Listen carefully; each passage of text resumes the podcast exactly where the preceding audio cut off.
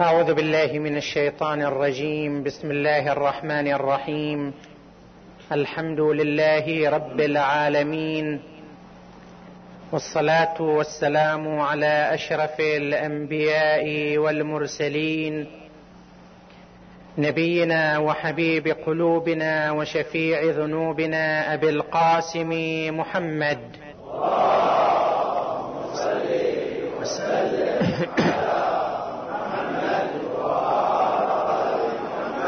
صلى الله عليه وعلى آله الطيبين الطاهرين المعصومين. صلى الله عليك يا مولانا يا أمير المؤمنين وإمام المتقين وسيد الموحدين يا علي بن أبي طالب وعلى آلك الطيبين الطاهرين. قال صلوات الله وسلامه عليه ألا وإن لكل مأموم إماما يقتدي به ويستضيء بنور علمه. ألا وإن إمامكم قد اكتفى من دنياه بطمريه ومن طعمه بقرصيه ألا وإنكم لا تقدرون على ذلك. ولكن أعينوني بورع واجتهاد وعفة وسداد. فوالله ما اكتنزت من دنياكم تبرا. ولا ادخرت من غنائمها وفرا. ولا اعددت لبالي ثوبي طمرا ولا احتزت من ارضها شبرا وانما هي نفسي اروضها بالتقوى لتاتي امنه يوم الخوف الاكبر وتثبت على جوانب المزلق أما لو شئت لاهتديت الطريق إلى مصفى هذا العسل ولباب هذا القمح ونسائج هذا القز ولكن هيهات ولكن هيهات أن يغلبني هواي أو يقودني جشعي إلى تخير الأطعمة. ولعل بالحجاز أو اليمامة من لا طمع له في القرص ولا عهد له بالشبع. صدق مولانا أمير المؤمنين علي بن أبي طالب. عطروا مجالسكم بالصلاة على محمد وآل محمد.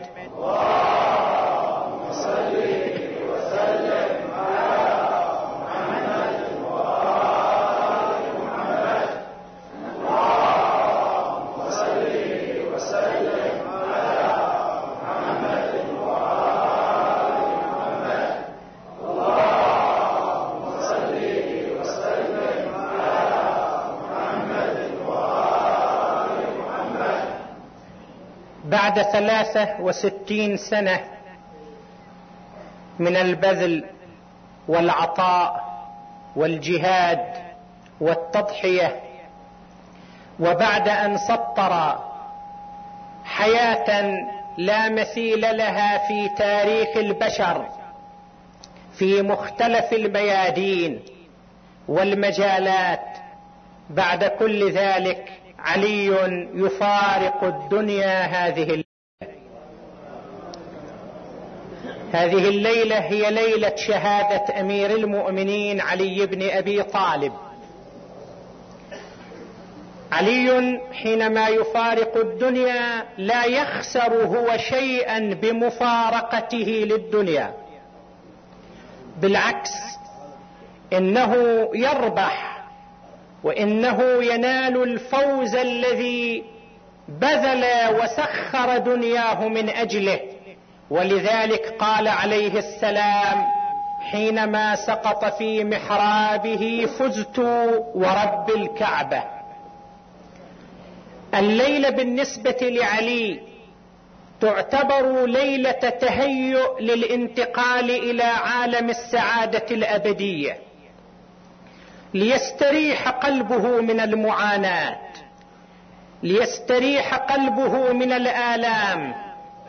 ولكي يرى هناك جزاء عمله وجهاده وعبادته وفضله وكدحه في ذات الله ولكنها الخسارة للبشرية. البشرية خسرت الليلة. ليلة خسارة عظمى على البشرية جمعاء. اليتم في هذه الليلة لا يختص بأبناء علي الصلبيين وإنما كل البشر من دعاة الخير ومن محب الخير والفضيلة يجب أن يشعروا هذه الليلة باليتم لفراق علي بن أبي طالب. هو أب لكل الأمة ولقد قال له رسول الله صلى الله عليه وآله أنا وأنت يا علي أبوا هذه الأمة. فجميعنا هذه الليلة في عزاء أبينا أمير المؤمنين علي بن أبي طالب. نسأل الله أن يعظم لنا ولكم الأجر في مصيبة أمير المؤمنين. وأهم شيء يجب أن نتحدث حوله في مثل هذه الليلة أن نتحدث في علاقتنا وارتباطنا بأمير المؤمنين علي بن أبي طالب. هو أبونا أبو هذه الأمة. وأنتم تعلمون أن العلاقه بين الأولاد والآباء إما أن تكون علاقة بر وإما أن تكون علاقة عقوق. فتعالوا ندرس علاقتنا بأبينا علي. هل نحن نبر أبانا أم لا سمح الله نعق أبانا؟ ما هي علاقتنا بأمير المؤمنين؟ خاصة وأننا نحن والحمد لله نفتخر بأننا منسوبون إلى علي بن أبي طالب. نفتخر بأننا شيعة لعلي بن أبي طالب وإن شاء الله نكون كذلك. ونحن نفتخر ونعتز لأن الأحاديث الصحيحة الواردة في كتب جميع المسلمين تنقل لنا البشائر عن رسول الله لعلي ولشيعته. كما ينقل الحاكم حسكان النيسابوري في شواهد التنزيل قال لما نزل قوله تعالى إن الذين آمنوا وعملوا الصالحات أولئك هم خير البرية. التفت رسول الله صلى الله عليه وآله وأصحابه حاضرون وأشار إلى علي قال أنت وشيعتك يا علي. وفي مورد آخر بسند آخر هم علي وشيعته. كلمة شيعة ليست جديدة. الرسول صلى الله عليه وآله استخدمها لأتباع علي بن أبي طالب. أنت وشيعتك هم الفائزون يوم القيامة. وفي حديث آخر يا علي شيعتك على منابر من نور حولي في الجنة مبيضة وجوههم حولي في الجنة. طيب اذا نحن نعتز ونفتخر بأننا ننتسب إلى علي بن أبي طالب. السماعة مو طبيعية الليلة زيدنا ننتسب إلى علي بن أبي طالب عليه السلام ولكن ما هي حقيقة هذا الانتساب؟ ما هو المطلوب منا كشيعة لعلي بن أبي طالب؟ وكيف نكون شيعة حقيقيين لعلي بن أبي طالب. هذا هو موضوع بحثنا وحديثنا هذه الليلة. هل يكفي منا مجرد الإعجاب بشخصية علي بن أبي طالب والحب لعلي بن أبي طالب؟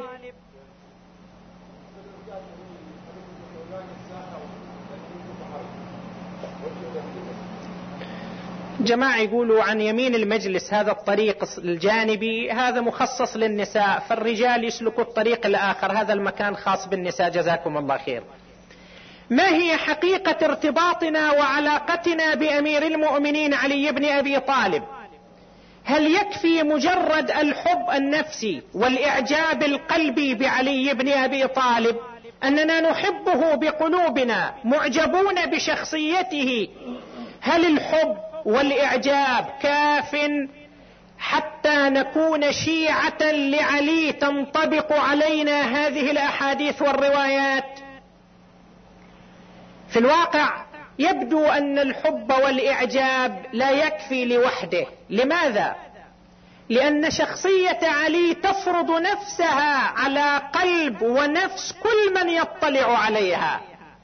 ماكو أحد يطلع على شخصية علي وما يعجب بعلي. ماكو أحد يطلع على حياة علي وما يحب علي. علي شخصيته تفرض نفسها على القلوب تفرض حبها على النفوس. لا أحد يستطيع أن يتنكر لشخصية علي بن أبي طالب. حتى أعداء علي حتى الذين حاربوا علي وقاتلوا علي هم يكنون في أعماق نفوسهم الإعجاب والإحترام والإكبار لشخصية علي بن أبي طالب. محفن ابن أبي محفن يأتي إلى معاوية ابن أبي سفيان. يقول له من أين جئت؟ يريد أن يتملق إلى معاوية. يقول جئتك من عند أبخل الناس وأعيا الناس. يعني علي بن أبي طالب. وإذا بمعاوية يجيبه غاضبا ألعلي تقول هذا ويحك. أما قولك إنه أبخل الناس. والله لو كان لعلي بيتان. بيت من تبر وبيت من تبن لأنفق تبره قبل تبنه. وأما قولك من اعيا الناس والله ما سن الفصاحة لقريش إلا علي بن أبي طالب. حتى من قاتل علي يعترف بالفضل لعلي. لا أحد يطلع على شخصية علي إلا ويمتلك نفسه الاعجاب والإكبار لتلك الشخصية. الفيلسوف الإنجليزي توماس كارليل في كتابه الأبطال حينما يأتي على ذكر علي بن أبي طالب يقول وأما علي بن أبي طالب. فلا يسعنا إلا أن نحبه ونتعشقه لأنه كان فتى كبير النفس جليل القدر. يمتلئ قلبه حبا ورحمة ووجدانه حماسة وخيرا. حتى غير المسلمين كذلك. هذا مو مسلم هذا بريطاني إنجليزي جورج جرداق. مسيحي يكتب كتاب خمسة مجلدات ويضع عليه عنوان علي صوت العدالة الإنسانية. علي صوت العدالة الإنسانية. جبران خليل جبران يتحدث عن علي بن أبي طالب. يقول مات علي شهيد عظمته.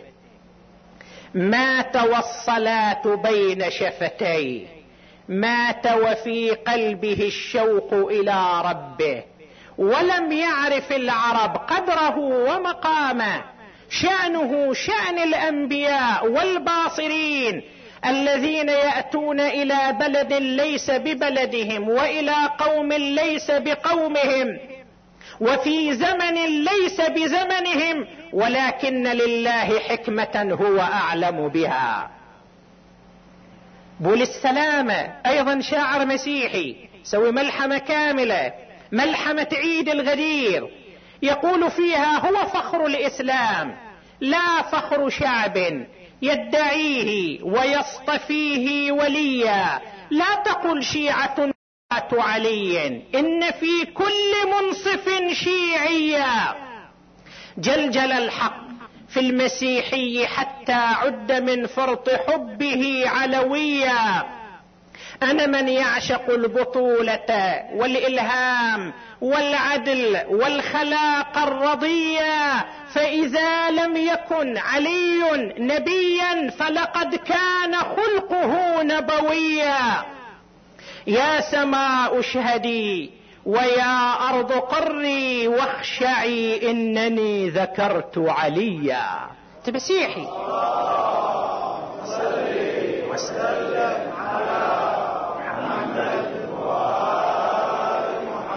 عبد الله بن عباس العالم المعروف حبر الأمة سئل عن علمه قال والله علم علي من علم محمد وعلم محمد من علم الله. والله ما علمي وعلم أصحاب محمد بالنسبة إلى علم علي إلا كقطر في سبعة أبحر. والله لقد أخذ بيدي علي بن أبي طالب ذات ليلة وخرج بي عند البقيع. قال لي يا عبد الله اقرأ بسم الله الرحمن الرحيم. ثم بدأ يفسر لي نقطة الباء في بسم الله واستمر يتحدث ويلقي من علومه ومعارفه حتى طلع علينا الفجر ولم يخلص من تفسير نقطة الباء في بسم الله. ابن سيناء هذا العالم الجليل المعروف المتوفى سنة 429 يقول وأما محل علي في العلوم فلا يحلق إليه أحد من البشر. ما حد يقدر يوصل إلى محل من البشر أبدا. ماذا ما عسى أن يقول الإنسان في علم؟ من يطلع ولو على صفحة واحدة من صفحات حياة علي بن أبي طالب فلا يمتلئ إعجابا ولا يمتلئ إكبارا بعلي بن أبي طالب. إذا مجرد الإعجاب وحده ما يكفي. أعداؤه معجبون به. غير المسلمين معجبون به يحبونه فمجرد الإعجاب مجرد المحبة القلبية هذه لا تكفي في العلاقة مع علي بن أبي طالب. إذا ما هو المطلوب منا؟ هل التفاعل العاطفي وحده يكفي أننا نفرح لفرحهم ونحزن لحزنهم؟ هذا مطلوب. شيعتنا منا يفرحون لفرحنا. يحزنون لحزننا لكن يكفي مجرد الفرح والحزن. كلا هذه علامة هذه صفة ظاهرية. الفرح لأهل البيت لفرح أهل البيت. والحزن لحزن أهل البيت. ليس هو الغاية وإنما هو وسيلة. أو لنقل ليس هو كل الغاية. وإنما يجب أن يقترن معه شيء آخر يركز عليه أهل البيت أنفسهم. وإلا مجرد التعاطي العاطفي مع أهل البيت هذا لا يكفي لتوثيق العلاقة ولتوثيق الرابطة ولكي يصدق على الإنسان أنه شيعي حقيقي لعلي بن أبي طالب ولأهل البيت. وهذا ما يقوله أهل البيت أنفسهم. إحنا نواليهم إحنا إن شاء الله شيعتهم. تعال نشوف هم شي يريدون من عندنا. أهل البيت ما قصروا تجاهنا. أعطونا كل حياتهم أعطونا كل وجودهم. فماذا يطلبون منا؟ شي يريدوا من عندنا أهل البيت؟ تعالوا نقرأ أحاديثهم رواياتهم حتى نشوف ماذا يريدون منا وكيف شكل العلاقة المطلوبة بيننا وبينهم. استمعوا هذه الأحاديث التالية. جاء رجل إلى الإمام الحسن بن علي. سلام الله عليه. قال يا ابن رسول الله أنا من شيعتكم. هذا الكلام اللي إحنا كنا نقوله. أنا من شيعتكم. فما فبماذا أجابه الإمام الحسن؟ قال له يا هذا إن كنت لنا في أوامرنا وزواجرنا مطيعا فقد صدقت. وإن لم تكن كذلك فلا تزد في ذنوبك ذنبا بدعواك مرتبة شريفة لست من أهلها. هذا التشيع كلمة أنا شيعي لأهل البيت أنا متشيع لعلي بن أبي طالب. بعض الناس يعتبروا أن هذا الانتساب وهذه الكلمة تعطيهم مجال تعطيهم تخفيضات تعطيهم مجال أكثر. لا إذا راجعنا روايات أهل البيت نشوف هالانتساب يحمل صاحبه مسؤولية أكثر وأكبر. يحملك مسؤولية أكثر. الإمام الصادق سلام الله عليه يقول إنكم تنسبون إلينا. تنسب إلى أهل البيت شيعة أهل البيت إنكم تنسبون إلينا فكونوا زينا لنا ولا تكونوا شينا علينا. أنت تتحمل مسؤولية. لذلك على الإنسان أن يراعي هذا المقام اللي هو فيه هذا العنوان الموضوع عليه أن يراعيه. وإذا كان الإنسان من أجل اتباعه لأهل البيت من أجل وجود هالعنوان لنقل يعاني في حياته بعض المشاكل والصعوبات. فعليه أن يعمل لكي يكون هذا الانطباق حقيقي حتى يعيش في الآخرة من دون صعوبات. أما في الدنيا تعاني صعوبات لأنك عليك عنوان شيعي لأهل البيت. في الآخرة هم لا سمح الله تعيش صعوبات. وطبعا الأئمة يؤكدون لنا أن الإنسان إذا لم يكن ملتزما بأوامرهم وزواجرهم يجد صعوبات يوم القيامة. ورد في الحديث عن الإمام الصادق عليه السلام إن من شيعتنا لمن يمكث في النار سبعين خريفا لا يدرى من سني الدنيا أم من سني الآخرة. يعني مجرد أنه انت عليك عنوان التشيع وانتهينا خلاص تمشي تروح لا. صح. إذا مسارك مسار سليم. برنامجك العام برنامج صحيح. حصل منك خطأ حصلت معصية اتفاقا في حياتك هذه تمشي. تمر ببركة أهل البيت عليهم السلام. أما الإنسان اللي يكون برنامجه اللي يكون مساره اللي يكون خط خط غير ملتزم مجرد انطباق العنوان يوم القيامة الحكي مو على الهوية. يشوفوا هويتك إيش مكتوب فيها يمشوك لا. يوم القيامة الحكي على العمل. الإمام زين العابدين علي بن الحسين. كلكم والحمد لله.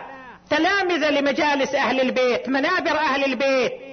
طاووس الفقيه يقول لسيدي لماذا هذه العبادة هذا البكاء هذا التضرع هذا الخوف من الله? جدك رسول الله جدك أمير المؤمنين أبوك الحسين. بماذا أجابه زين العابدين؟ دع عنك حديث جدي وأبي. خلق الله الجنة لمن أطاعه ولو كان عبدا حبشية وخلق النار لمن عصاه ولو كان سيدا. قرشيا هذا الإمام المعصوم اللي إحنا نتولاه. يشوف المقياس طاعة الله وليس مجرد العنوان.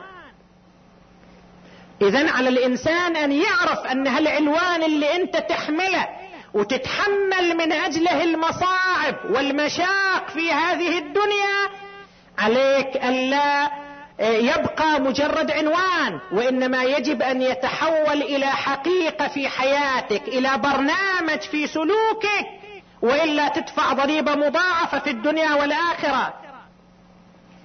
اسمعوا هذا الحديث الرائع الجميل. الإمام الصادق يتحدث إلى المفضل ابن عمر. يقول له يا مفضل الحسن من كل أحد حسن. ومنك أحسن لمكانك منا. والقبيح من كل أحد قبيح ومنك أقبح لمكانك منا. يعني أنت لا تقول أنا شيعي إذا سويت معصية يسامحوا معي يوم القيامة. المعصية اللي تحصل اتفاقا صح أما المعصية اللي مع سبق إصرار المعصية اللي تكون برنامج وخطئ لك في الحياة هذا ما في تسامح. بالعكس الحساب معك أشد من الحساب مع غيرك. لمكانك منا. كونوا زينا لنا ولا تكونوا شينا علينا. حديث آخر. جابر الجعفي رضوان الله تعالى عليه. يقول خدمت الإمام الباقر ثمانية عشر سنة. 18 سنة كنت أخدم الإمام الباقر. ثم لما انتهيت لسبب أو لآخر يريد يسافر أو ما أشبه جئت لأودعه. يا ابن رسول الله أفدني. التفت إلي يا جابر أبعد ثمانية عشر سنة؟ الآن تقول لي أفيدك؟ قلت يا ابن رسول الله إنكم بحر لا ينزف ولا يبلغ قعره أفدني. فالتفت إلي قال يا جابر أبلغ شيعتي عني السلام. استلموا السلام من الإمام الباقر.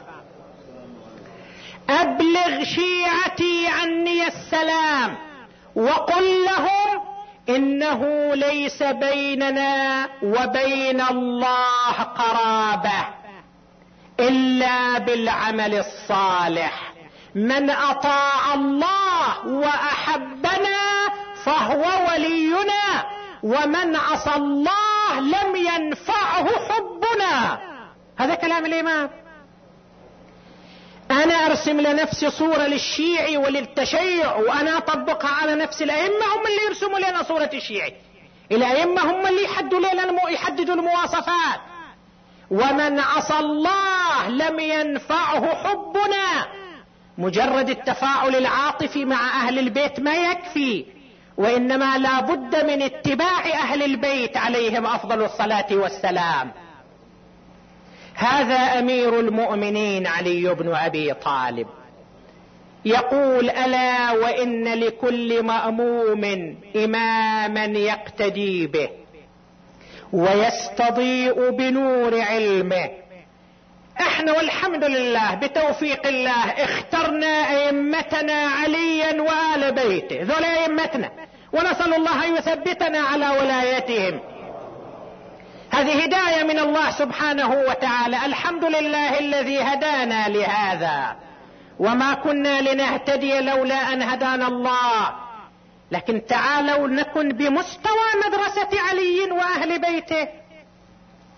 الآن خريج أي مدرسة من المدارس تلميذ أي عظيم من العظماء ليش تكون إلى موقعية كبيرة؟ لما يقولوا هذا خريج الجامعة الفلانيه المدرسة الفلانيه تصير إلى موقعية.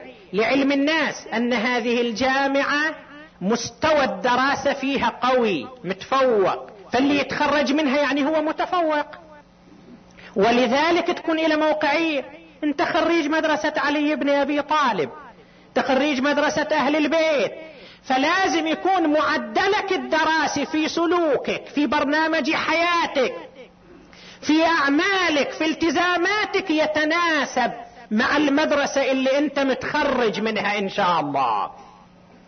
ومثل هذه المناسبات لازم تكون مدعاة لنا لمراجعة أنفسنا حتى نشوف مدى التطابق بين حياتنا بين سلوكنا بين برامجنا بين اهتماماتنا. وبين سيرة أهل البيت صلوات الله وسلامه عليهم. ما هو المطلوب منا؟ ماذا يريد أهل البيت من شيعتهم؟ أشياء كثيرة لكن نتحدث عن بعض النقاط بعض الأمور. اولا الالتزام الديني. أهل البيت لا أحد كان يدانيهم في طاعتهم لله. في عبادتهم لله في خضوعهم لله. كانوا يعتزون بعبوديتهم لله. أولم يقل علي بن أبي طالب وهو يناجي رب إلهي كفاني عزا أن أكون لك عبدا وكفاني فخرا أن تكون لي ربا. أنت كما أحب فاجعلني كما تحب. عبودية أهل البيت لله طاعة أهل البيت لله تجنب أهل البيت لمعاصي الله سبحانه وتعالى. تعال شوف حالة الورع عند أهل البيت حالة التقوى عند أهل البيت حالة المواظبة على الأمور الدينية عند أهل البيت. اللي يسير في طريق أهل البيت اللي ينتسب لأهل البيت لازم يتصف بهذه الصفة. يقول الإمام الصادق عليه السلام والله والله قسم قسم يحلف الإمام. والله ما شيعتنا إلا من اتقى الله وأطاعه. المقياس تقوى الله المقياس طاعة الله. الموالي لأهل البيت المحب لأهل البيت السائر في خط أهل البيت. لازم يكون أكثر التزام بتقوى الله أكثر مواظبة على عبادة الله. اسمع أفضل شيء نستفيد من هذا الوقت أن نسمع كلام الأئمة أنفسهم. أفضل من كلامنا وأفضل من كلام المخلوقين ودون كلام رب العالمين.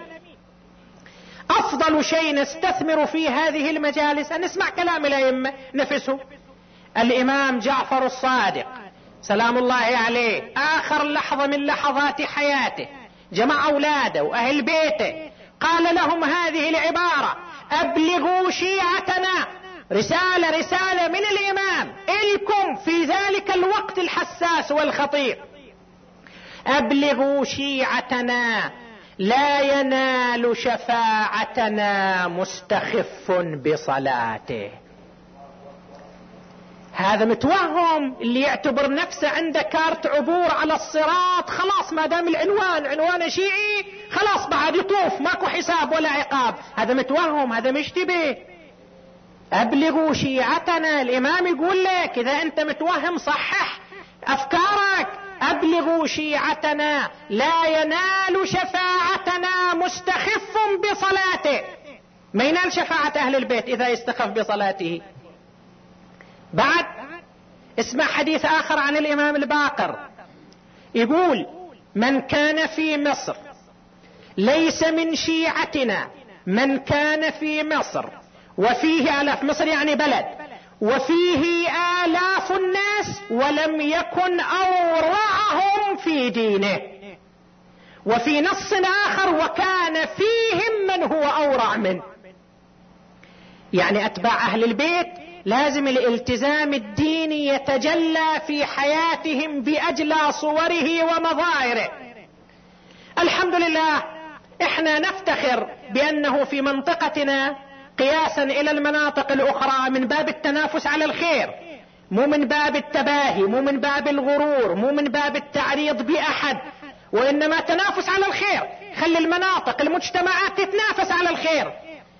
يبدو أن نسبة الجرائم نسبة الأعمال السيئة التي تستوجب العقوبات عند الجهات الرسمية لا تزال أخفض منها عن المناطق الأخرى. وهذا ببركة أهل البيت. هذا ببركة هالمجالس ببركة هالمنابر ببركة الالتفاف حول هذه المناسبات. لكن أيضا هناك بوادر سللت إلى مجتمعنا بعض المظاهر السيئة السلبية. بدأت تفد إلى مجتمعنا تتسلل إلى مجتمعنا بعض الانحرافات. طبعا بالنسبة للإنسان المسلم بالنسبة للإنسان العاقل ينبغي أن يكون حذر من هذه الانحرافات. وبالنسبة لمن يسير في خط أهل البيت ويستظل براية أهل البيت يجب أن يكون أكثر حذرا. نحن لا نرضى ولا يرضى أهل البيت.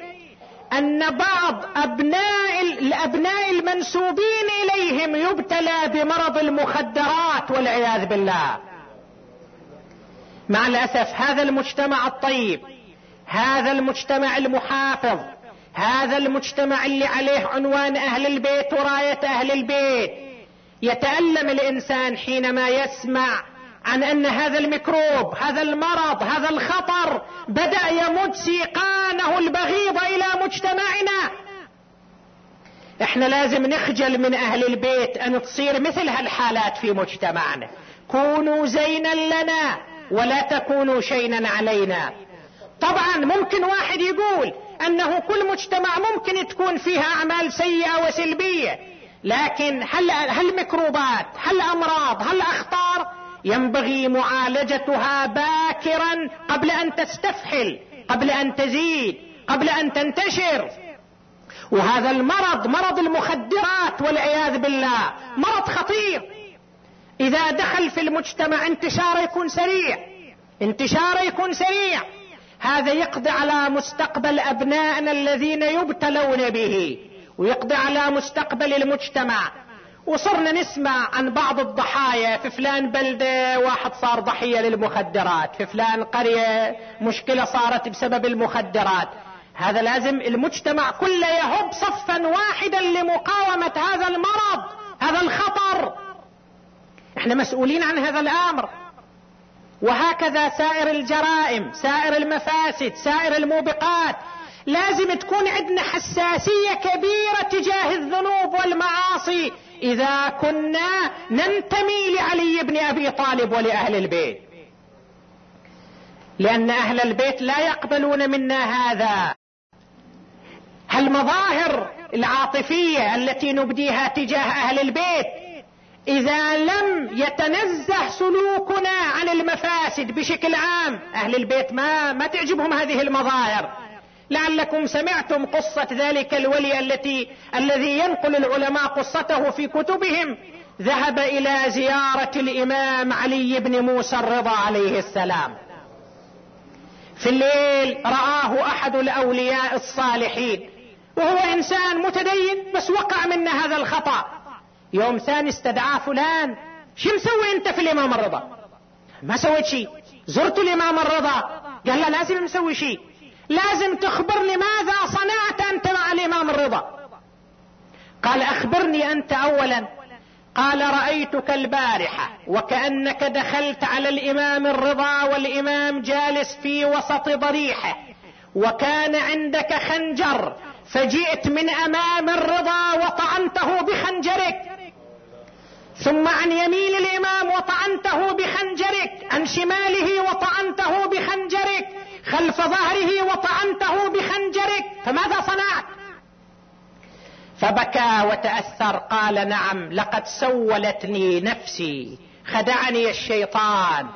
شفت امرأة ولاحقتها بنظراتي. طالعت امرأة بنظرات غير سليمة غير صحيحة. إذا واحد ينظر نظرة غير صحيحة إلى امراه الإمام الإمام الرضا يعتبره كأنه خنجر موجه إلى قلبه. أنت إيش فايدة تجي ماتم أهل البيت؟ عزي على أهل البيت تبكي على أهل البيت. لا سمح الله من طريق ثاني توجه خنجر إلى قلب أهل البيت. هذا لا يصح أن يجمعه إنسان في حياته. لذلك لازم تكون عندنا حساسية تجاه الذنوب تجاه المعاصي نحن نريد أن يكون مجتمعنا أنظف مجتمع أنزه مجتمع أصفى مجتمع حتى يكون هالعنوان منطبق علينا شيعة أهل البيت.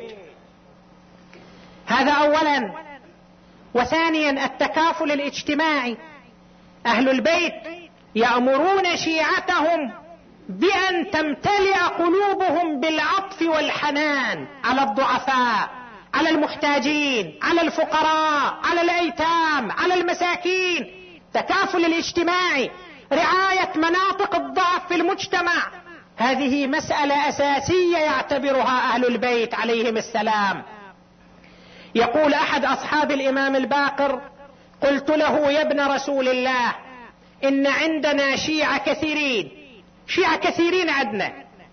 قال هل يتعطف أغنياؤهم على فقرائهم؟ هل يتواضع كبارهم لصغارهم؟ هل يواسي بعضهم بعضا؟ قلت لا يا ابن رسول الله. قال والله ما هؤلاء بشيعة لنا. إذا ماكو تكافل اجتماعي إذا ماكو عطف وحنين وحب وشفقة على المناطق الضعيفة على الضعفاء في المجتمع هذا مو تشيع حقيقي يعتبره أهل البيت. لذلك حالة التكافل الاجتماعي يجب أن نحفظها في مجتمعنا. وهذا كله راح نذكر شواهد من حياة أمير المؤمنين علي بن أبي طالب. وأخيرا أن نتحمل مسؤوليتنا تجاه الدين تجاه المجتمع تجاه الوطن. لازم نتحمل مسؤوليتنا. أمير المؤمنين عليه السلام له كلمة يحملنا فيها المسؤولية عن كل شيء. في نهج البلاغة من أوائل خطب علي بعد أن تولى الخلافة. قال أيها الناس واعلموا أنكم مسؤولون حتى عن بقاع الأرض وبهائمها. لازم نتحمل مسؤوليتنا. لازم نكون إحنا الأخلص للدين. إحنا الأخلص للوطن إحنا الأخلص للمجتمع عبر منهج أهل البيت صلوات الله وسلامه عليهم. تعالوا نقرأ سيرة أمير المؤمنين علي بن أبي طالب. كيف كان علي؟ ألا وإن لكل مأموم إماما يقتدي به ويستضيء بنور علمه. تعالوا نستضيء بنور علم علي بن أبي طالب. كيف عبادته لله؟ كيف ورعه؟ يقول أحد أصحابه وأشهد لقد رأيته في أحد مواقفه وقد أرخى الليل سدوله وغارت نجومه وهو قابض على لحيته يتململ تململ السليم ويبكي بكاء السقيم ويقول إليك عني يا دنيا أبي تعرضت أم إلي تشوقت هيهات هيهات لقد طلقتك ثلاثا لا رجعة لي فيك. فعيشك قصير وخطرك كبير ثم نادى بصوت من أعماق قلبه آه آه. من قلة الزاد. علي علي علي يقول هذا الحكي. أنا وأنت شنو لازم نقول؟ آه آه من قلة الزاد. ووحشة الطريق وبعد السفر ولا زال يبكي حتى سقط مغشيا عليه صلوات الله وسلامه عليه. شوف التضرع شوف المناجات. وأنت تقرأ دعاء كميل دعاء كميل هذا دعاء علي بن أبي طالب. إلهي وأنت تعلم ضعفي عن قليل من بلاء الدنيا وعقوبات هذا كلام عليها وما يجري فيها من المكاره على أهلها على أن ذلك بلاء ومكروه قليل مكثه قصير بقاؤه فكيف احتمالي لبلاء الآخرة؟ وجليل وقوع المكاره فيها وهو بلاء تطول مدته ويدوم مقامه ولا يخفف عن أهله لأنه لا يكون إلا عن غضبك وانتقامك وهذا ما لا تقوم له السماوات والأرض. فكيف بي يا سيدي وإلهي وأنا عبدك الضعيف؟ هذا علي علي يتكلم ها؟ وأنا عبدك الضعيف الحقير الفقير المسكين المستكين. هذا تضرع علي لله. هذه عبادة علي لله. قال أحد أصحابه رافقت عليا طوال النهار. فرأيته يتنقل من عمل إلى عمل وينصرف من جهد إلى جهد حتى آب إلى منزله ليلا وقد أخذ منه التعب ما اخذ يقول أنا اضطجعت على فراشي ما هي إلا لحظات وإذا بي أرى عليا قد قام من على فراشه صار يتوكأ على الجدار من ضعفه وإرهاقه. يا أبا الحسن ليش قايم؟ أنت تعبان متعم متعب طوال النهار كادح عمل تحرك. قال لي ما أصنع يا هذا. اسمع اسمع الكلمة الرائعة. إن نمت النهار ضيعت رعيتي وإن نمت الليل ضيعت نفسي. الله ما هذه الكلمة العظيمة؟ إن نمت النهار ضيعت رعيتي. علي مسؤولية الرعية الناس. وإن نمت الليل ضيعت نفسي. هذه عبادة علي. هذا ورع علي هذا تقوى علي هذا تهجد علي. بعد تعال شوف تعطفه عطفه حنانه على الفقراء على المساكين على اليتامى على المحتاجين حتى نقتدي بعلي بن أبي طالب. ننقل بعض اللقطات بعض المشاهد لأن الوقت لا يسع. يقول أبو رافع خازن بيت المال كنت أسير مع علي بن أبي طالب. في أحد شوارع الكوفة. فمررنا على رجل نصراني. شيخ كبير في السن جالس في الطريق يستعطي الناس. التفت علي غاضبا. قال ما هذا؟ الإمام علي يغضب ان يشوف واحد يستجد الناس. المفروض المجتمع ما يكون فيها الحالة ما يكون فيه أحد فقير محتاج. ما آمن بي من بات شبعان وجاره جائع. هذا مظهر نابي. مظهر لا يتناسب مع المجتمع المسلم. كيف واحد قاعد يتك... يسأل الناس يستجدي؟ ما هذا؟ أبو رافع ما فهم صيغة السؤال. فكر الإمام علي يقول من هذا؟ قلت يا أمير المؤمنين هذا مسيحي نصراني. قال له الإمام ما هذا؟ ما سألتك من هذا؟ نصراني ولا مسلم؟ ما سألتك من هذا؟ ما هذا؟ ثم قال استخدمتموه حتى فني شبابه فلما شاخ وكبر تركتموه يستجدي الناس في الشارع يا أبا رافع عين له عطاء من بيت المال. اسمحوا لي هنا فقط بين قوسين. حول فلما شاخ وكبر. أنا لاحظت ظاهرة الآن في مجتمعنا. لاحظت ظاهرة هي غربة يعيشها آباؤنا وتعيشها أمهاتنا. الاباء والامهات أصبحوا يعيشوا غربة في حياتهم. ليش؟ مع تطور الحياة والالتزامات اللي على الإنسان وتطور وسائل الحياة. صار من الطبيعي يعني صار معروف عندنا في المجتمع. الولد باعتبار صارت عنده زوجة وصار عنده أولاد. ويمكن زوجته وأولاده مزاجهم ما ينسجم مع مزاج أبوه ومع مزاج أمه.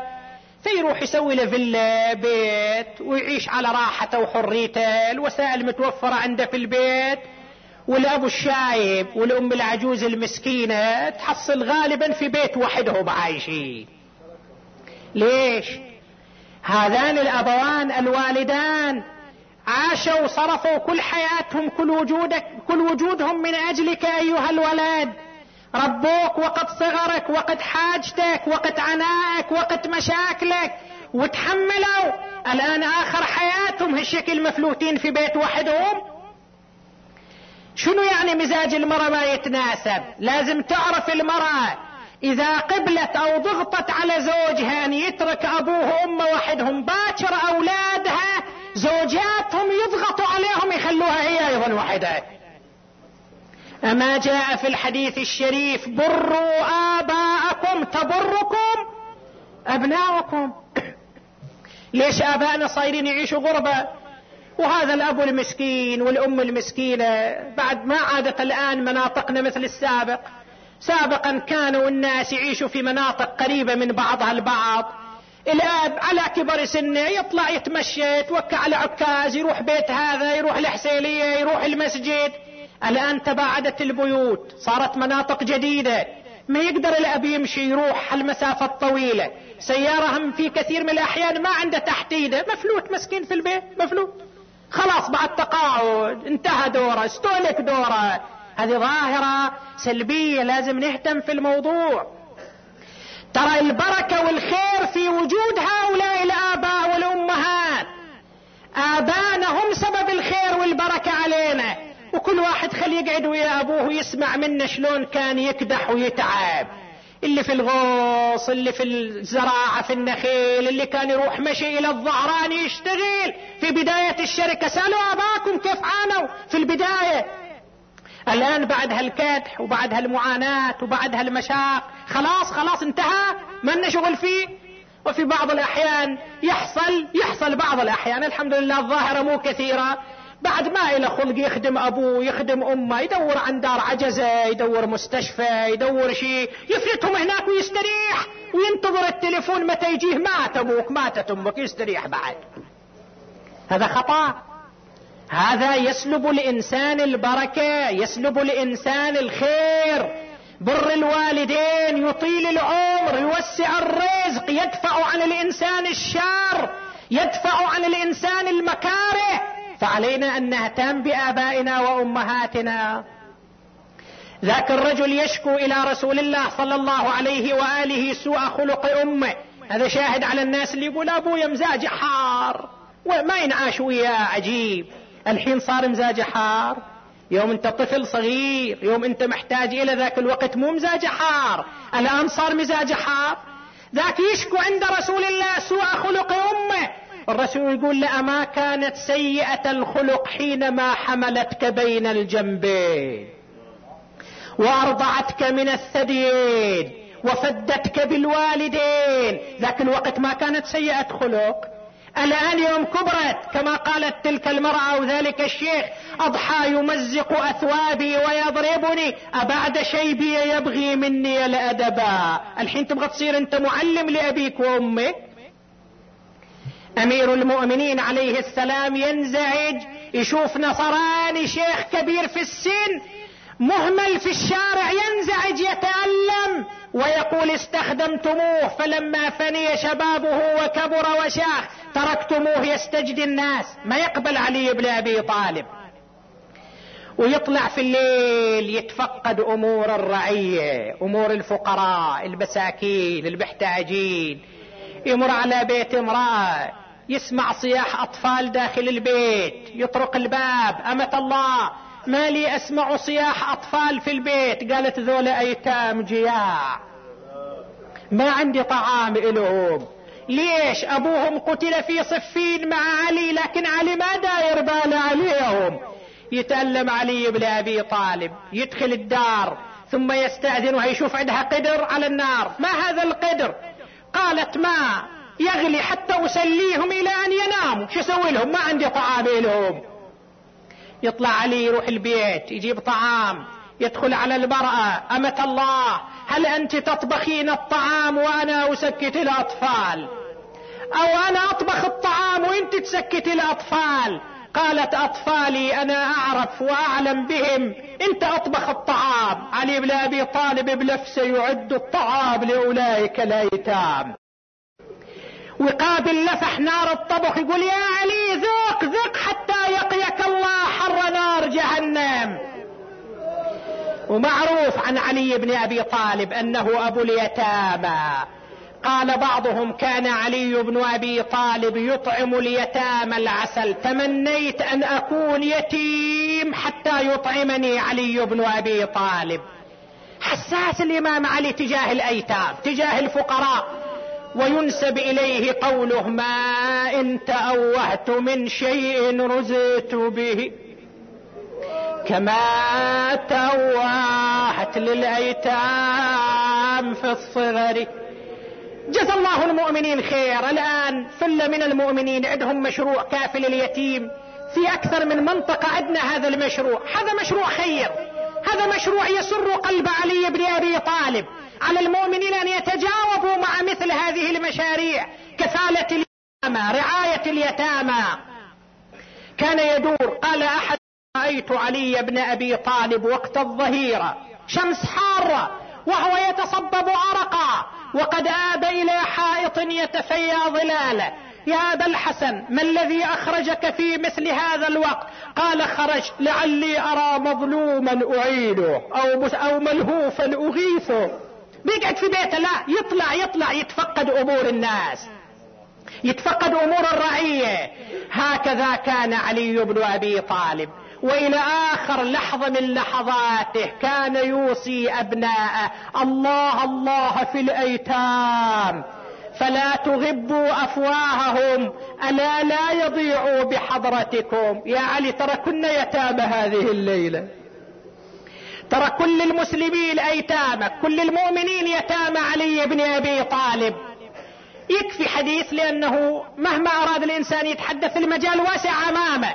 تعالوا ندخل على علي وهو على فراش الموت. الليلة آخر ليلة في حياة علي بن أبي طالب. يقول محمد بن الحنفية بتنا ليلة الحادي والعشرين من شهر رمضان وقد سرى السم إلى جميع جسد أمير المؤمنين إلى جميع أجزاء جسده. حتى لقد نظرنا إلى قدميه وقد احمرتا من شدة السم. جئنا له بالطعام جئنا له بالشراب فأبى أن يأكل وليشرب كان مشغولا بذكر الله قال احملوا الطعام والشراب إلى أسيركم. ودوا إلى ابي الملجم ودوا إلى الأسير. الله أكبر. يقول محمد بن الحنفية ثم استدعى أبناءه بأسمائهم واحدا واحدا. الليلة الوداع علي ودع أولاده. واحدا واحدا. وكل واحد اجى يا علي وأخذ حقه من وداع علي. يقول فأقبلت أختنا العقيل زينب والكبت على أبيها أمير المؤمنين. ترى زينب عزيزة عند علي محبوبة عند علي إلها مكانتها في قلب علي. أظل الله أجرك يا زينب في هذه الليلة. ضمها علي إلى صدره بلي زينب في أمان الله في دعة الله. أبتاه عندي مسألة في صدري في نفسي. أردت أن أسألك عنها ولا أريد أن أفارقك قبل أن أسألك عنها. سليلي بلية قالت أبا حدثت لي أم أيمن واختلقت بعبرتها ما قدرت تكمل. مرة ثانية أبا حدثت لي أم أيمن واختلقت بعبرتها. المرة الثالثة بني الحديث كما حدثتك أم أيمن. زينب كأني بك وبنساء أهلك. في هذه البلدة سبايا على ظهور البطايا وعلياه ومصيبتاه فصبرا صبرا تخافون أن يتخطفكم الناس من حولكم. فصبرا صبرا بكت زينب بكاء شديدا صاحت وعلياه وابتاه ثم التفت الإمام يودع أبناءه ويوصيهم. توجه بوصيته إلى الحسنين. قال أوصيكما بتقوى الله والا تبغي الدنيا وإن بغتكما. ولا تأسفا على شيء منها زويا عنكما. وقولا بالحق واعملا للأجر. تعالوا نسمع وصية علي بن أبي طالب. أوصيكما وجميع ولدي وأهل بيتي ومن بلغه كتابي بتقوى الله ونظم أمركم وصلاح ذات بينكم فإني سمعت جدكما رسول الله صلى الله عليه وآله يقول صلاح ذات البين خير من عامة الصلاة والصيام. الله الله في الأيتام فلا تغبوا أفواههم ألا لا يضيعوا بحضرتكم. والله الله في جيرانكم فإنهم وصية نبيكم. ما زال يوصي بهم حتى ظننا أنه سيورثهم. والله الله في الصلاة فإنها عمود دينكم. والله الله في القرآن لا يسبقكم إلى العمل به غيركم. والله الله في بيت ربكم لا تخلوه ما بقيتم. فإنه إن ترك لم تناظروا. والله الله في الجهاد بأموالكم وأنفسكم وألسنتكم في سبيل الله. وعليكم بالتواصل والتباذل وإياكم والتدابر والتقاطع. لا تتركوا الأمر بالمعروف. والنهي عن المنكر فيولى عليكم شراركم ثم تدعون فلا يستجاب لكم. ثم قال لا ألفينكم يا بني عبد المطلب تخوضون دماء المسلمين خوضا تقولون قتل أمير المؤمنين ألا لا يقتل النبي إلا قاتلي؟ فانظروا إذا أنا مت من ضربته هذه فاضربوه ضربة بضربة ولا تمثلوا بالرجل فإني سمعت رسول الله صلى الله عليه وآله يقول إياكم والمثله ولو بالكلب العقور ثم مالت رقبة الإمام. تصايح أولاده وابتاه عظم الله أجوركم وعرق جبينه. وسكن أنينه. صار لسانه يلهج بذكر الله. وهو يقول عليكم السلام رسل ربي لمثل هذا فليعمل العاملون. أدار عينه في أولاده في أمان الله في دعة الله مد يديه ورجليه غمض عينيه ولسانه يلهج بذكر الله. عظم الله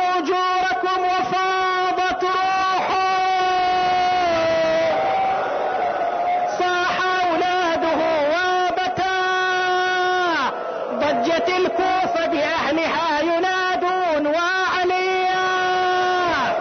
أين المنادي وسيده كأني بالعقيل زينب في مثل هذه الليلة. وباكر يا أخوتي هالمدارس هالمدارس غلقوها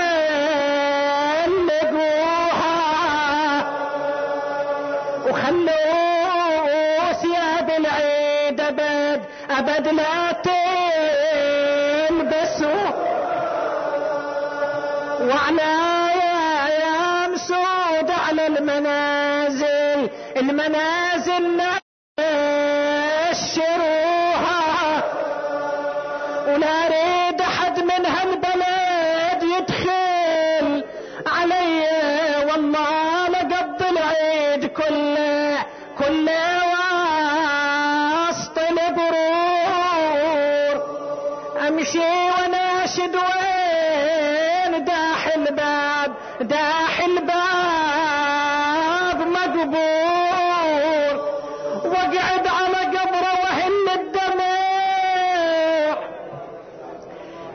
المؤمنون قبل أن تتفرقوا في حاجات كثيرة للفقراء والمحتاجين وفي إخوان لكم مؤمنون أيضا في العراق يعانون من الحاجة من العلماء ومن أبناء العلماء في النجف الأشراف.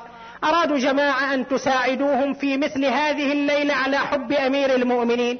لكن لأنه وقت القراءة ما في مجال داخل المجلس قلنا خارج المجلس على الباب جزاكم الله خير تعاونوا معهم ثوابكم على الله سبحانه وتعالى. اللهم أجرنا في مصيبة إمامنا. اللهم ثبتنا على ولايه أمير المؤمنين.